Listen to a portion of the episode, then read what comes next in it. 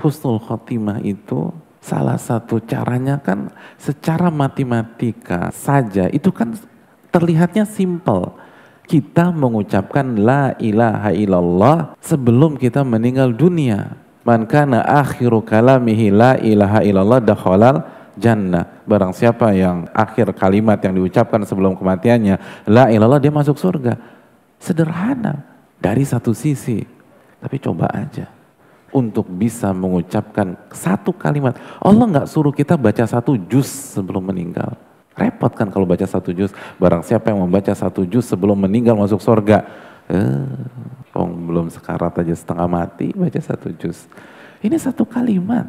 Tapi Anda nggak akan bisa mendapatkan momentum itu kalau Anda tidak bagus dalam setiap inci kehidupan Anda. Man asya ala syai'in mata alaih. Barang siapa yang hidup dengan pola tertentu, dia akan diwafatkan dengan pola itu.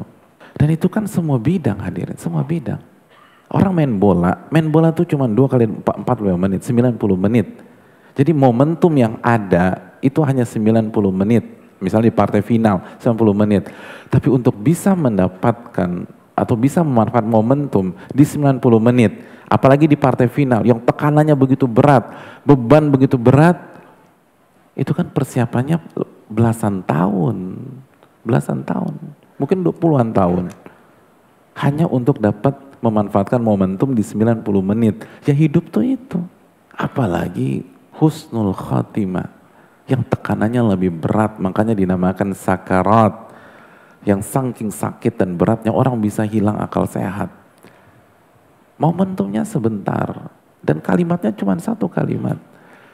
Tapi Anda nggak akan bisa mengucapkan satu kalimat itu kecuali Anda terapkan konsekuensi dari kalimat itu dan makna dari kalimat itu dalam inci demi inci kehidupan Anda itu fakuhu, itu fakuhu.